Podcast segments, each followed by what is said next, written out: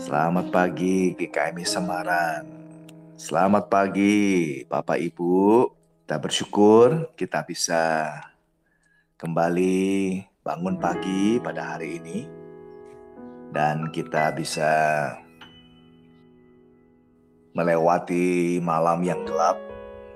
Mari sama-sama kita mengawali sharing-sharing kita pada pagi hari ini dengan berdoa ya. Mari kita berdoa. Bapa di sorga, kami datang padamu pada pagi hari ini. Bersyukur kami bisa bangun kembali pada pagi ini Tuhan. Kami boleh melewati malam yang gelap, malam yang kami juga tidak tahu Tuhan saat kami tidur. Apakah kami akan bangun kembali tetapi kami bersyukur Tuhan kalau pagi ini kami bisa bangun kembali dan diberi kesempatan melakukan segala aktivitas kami pada hari ini. Kiranya Tuhan memberkati segala pekerjaan, aktivitas, kehidupan, bahkan juga segala kegiatan kami. Dan kami akan membaca sebagian firman-Mu. Marilah Tuhan kau berbicara kepada kami lewat firman-Mu ini. Di dalam nama Tuhan Yesus kami sudah berdoa. Amin. Bapak Ibu sekalian, saya ingin berbagi dari firman Tuhan. Seperti yang kemarin-kemarin kita lanjutkan ya, kita berseri, kita berurutan ya Bapak Ibu jadi gampang. Bapak Ibu yang berkenan, mari kita bisa membaca terlebih dahulu kitab dari satu Samuel. Jadi berurutan. Kalau hari ini pasal 5, besok pasal 6. Demikian ya. Jadi saya berbagi dari renungan harian saya. Oke, kita langsung saja Bapak Ibu.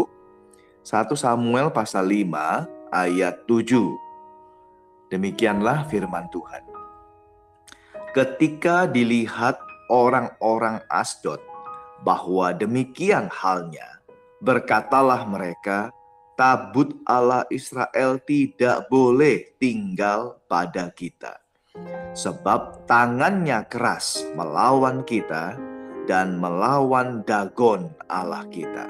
Dikatakan di situ bahwa orang-orang Israel kehilangan tabutnya.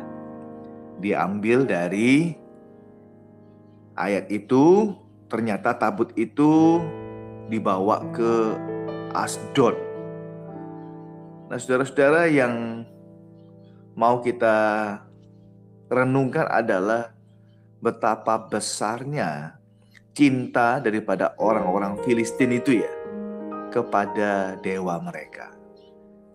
Saya kalau baca ayat ini saya itu kagum-kagum ya. Kagum-kagum sama cintanya orang sama dewa itu. Kadang-kadang kalau orang cinta itu kok ya buta gitu ya, cinta yang buta, cinta yang sudah tidak ada urusan gitu. Pokoknya cinta gitu ya, cinta yang sudah bulat, tidak ada pikiran lain, nggak ada perubahan, nggak ada keraguan. Betul-betul orang yang cinta itu ya kok bisa begitu gitu ya. Coba perhatikan kisah ini sangat menarik kalau Bapak Ibu membaca dalam satu Samuel pasal 5 ini sangat menarik Bapak Ibu. Ya, sangat bagus. Dikatakan di sana bahwa mereka ini orang-orang Filistin itu cinta sama dewa mereka namanya Dagon. Dagon itu betul-betul luar biasa. Apa buktinya? Coba perhatikan ya. Buktinya adalah yang pertama mereka sampai membangun kuil membangun temple ya, membangun temple buat Dagon. Jadi dewa mereka itu sampai dibuatkan rumah, dibuatkan tempat, dibuatkan sebuah rumah ibadah. Jadi bukan hanya memberikan tenaga mereka, mereka bukan hanya memberikan pikiran mereka, mereka bukan hanya memberikan waktu mereka, tapi juga mereka memberikan harta mereka mereka memberikan barang-barang berharga mereka. Mereka memberikannya persembahan-persembahan yang saya percaya sangat besar. sehingga bisa membangun kuil gitu. Jadi mereka membangun kuil untuk menyembah kepada Dagon ini. Nah, coba kita renungkan. Kadang-kadang orang kalau udah bicara persembahan, nah ini mulai perhitungan, mulai kalau orang Jawa bilang ijir-ijiran gitu ya. Mulai keberatan, mulai mempertimbangkan dengan berbagai macam hal begitu. Jadi ya kita lihat mereka menyembah kepada Dagon ini bukan cuma nyembah saja, tapi mereka memberikan persembahan sampai terbangunlah kuil tempat ibadah untuk dewa mereka. Jadi itu cinta yang bulat, cinta yang buta, eh tak mikir pokoknya semua muanya. Yang kedua, saudara-saudara kita bisa melihat bukan cuma mereka sampai membangunkan kuil, tetapi mereka juga tetap memilih dewa Dagon mereka. Tetap memilih. Maksudnya mereka itu sebetulnya kan sudah mendengar bahwa Dagon ini kan kalah gitu Buktinya pada waktu tabut bait Allah ditaruh di tempat kuil Dagon ini, si Dagon ini jatuh, patung itu jatuh. Kali pertama jatuh. Nggak apa-apa yang lain, yang yang yang pertama jatuh. Tetapi yang kedua, besoknya, jadi saat pertama kali jatuh itu diberdirikan lagi, besoknya lebih parah. Jatuh kepala dan tangannya putus. Terlempar jauh sampai ke pintu. Jadi makanya orang-orang itu sampai hari ini di sana tidak berani menginjak batas pintu itu ya, ambang pintu itu. Karena di situlah kepala dan tangan dari dewa mereka itu terpental gitu. Jadi perhatikan Bapak Ibu sekalian. Mereka itu tetap pilih Dagon padahal jelas kalah begitu loh. Sudah jatuh sampai kepalanya juga copot, tangannya juga copot. Tetap pilih Dagon. Mereka sudah mendengar bahwa Tuhan Allah Israel itulah yang membawa orang-orang Israel berkemenangan, saudara sekalian. Ya, berkemenangan melawan berbagai macam peperangan, termasuk bisa keluar dari Mesir yang sudah menjajah mereka ratusan tahun.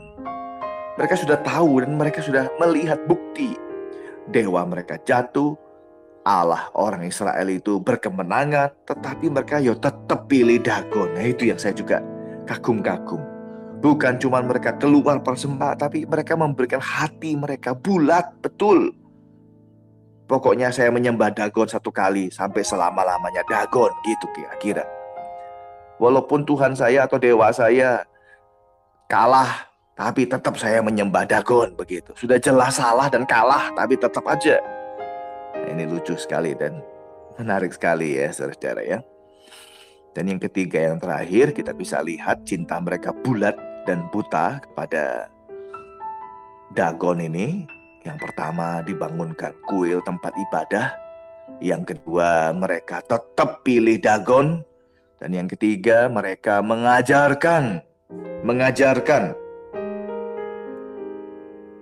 hal penyembahan kepada Dagon kepada anak-anak mereka. Jadi mereka itu bukan hanya untuk diri mereka sendiri, tapi juga untuk keluarga mereka, untuk suku mereka, untuk bangsa mereka, untuk kota mereka. Satu kota menyembah kepada Dagon. Walaupun juga sudah mereka itu dipukul sama Tuhan dengan cara diberikan tumor ya, tumor bahasa Inggrisnya itu Indonesianya itu borok, borok-borok. Jadi mereka itu sampai menderita borok-borok tumor. Begitu. Dengan begitu beratnya, begitu parahnya sampai ada yang meninggal. Tapi tetap mereka tidak berubah setia kepada Dewa Dagon tetap mereka mengajar kepada anak-anak mereka untuk setia kepada Dagon. Jadi menarik sekali, saudara sekalian. Dari sana saya ingin mengajak kita merenungkan. Kok bisa ya? Orang kok bisa cinta sama dewa begitu rupa, begitu dalam, begitu kuat. Tak tergoyahkan, tak terubahkan. Jelas walaupun dewa mereka kalah, jelas bahwa mereka itu dewanya tidak bisa menolong mereka. Ya. Tapi ya tetap cintanya itu luar biasa. Pertanyaannya dan renungannya buat kita, refleksinya buat kita adalah bagaimana kita cinta kepada Tuhan Yesus. Apakah cinta kita kepada Tuhan adalah cinta yang tak tergoyahkan, tak terubahkan? Betul kita rela memberikan segala-galanya kepada Tuhan. Betul kita rela dan sukacita memberikan persembahan kepada Tuhan, bukan hanya tenaga, pikiran, waktu kita saja. Tetapi juga memberi hati kita, memberikan anak-anak kita, keluarga kita sungguh-sungguh boleh mengenal Tuhan Yesus. Nah, itulah refleksi kita, Bapak Ibu. Mari kita terus dan bahkan tingkatkan cinta kita kepada Tuhan. Memberikan segala-galanya kepada Tuhan. Tenaga, waktu, pikiran, kemampuan, dan semuanya bahkan juga persembahan kita. Kita berikan hati kita, bahkan juga kita berikan keluarga kita. Kiranya kita semua melakukannya untuk menyenangkan dan memuliakan Tuhan. Amin. Mari Bapak Ibu kita kembali berdoa ya. Bapak di sorga terima kasih banyak Tuhan untuk renungan singkat pada pagi hari ini. Kami membaca dari kitab Samuel, kisah yang sangat menarik yang merefleksikan kepada kami semua Apakah kami sebagai anak-anak Tuhan kami juga boleh sungguh bulat kuat dalam mengasihi Tuhan. Kiranya kami semua boleh tambah cinta kepada Tuhan. Tambah mengasihi Tuhan. Dan kami mewujudkannya dengan tindakan sehari-hari. Memberikan segala-galanya. Memberikan hati kami. Juga memberikan keluarga kami. Bahkan anak-anak kami semua. Terima kasih Tuhan. Kami serahkan hidup kami dan kegiatan kami hari ini. Tuhan memberkati semuanya. Di dalam nama Tuhan Yesus Kristus kami berdoa. Amin.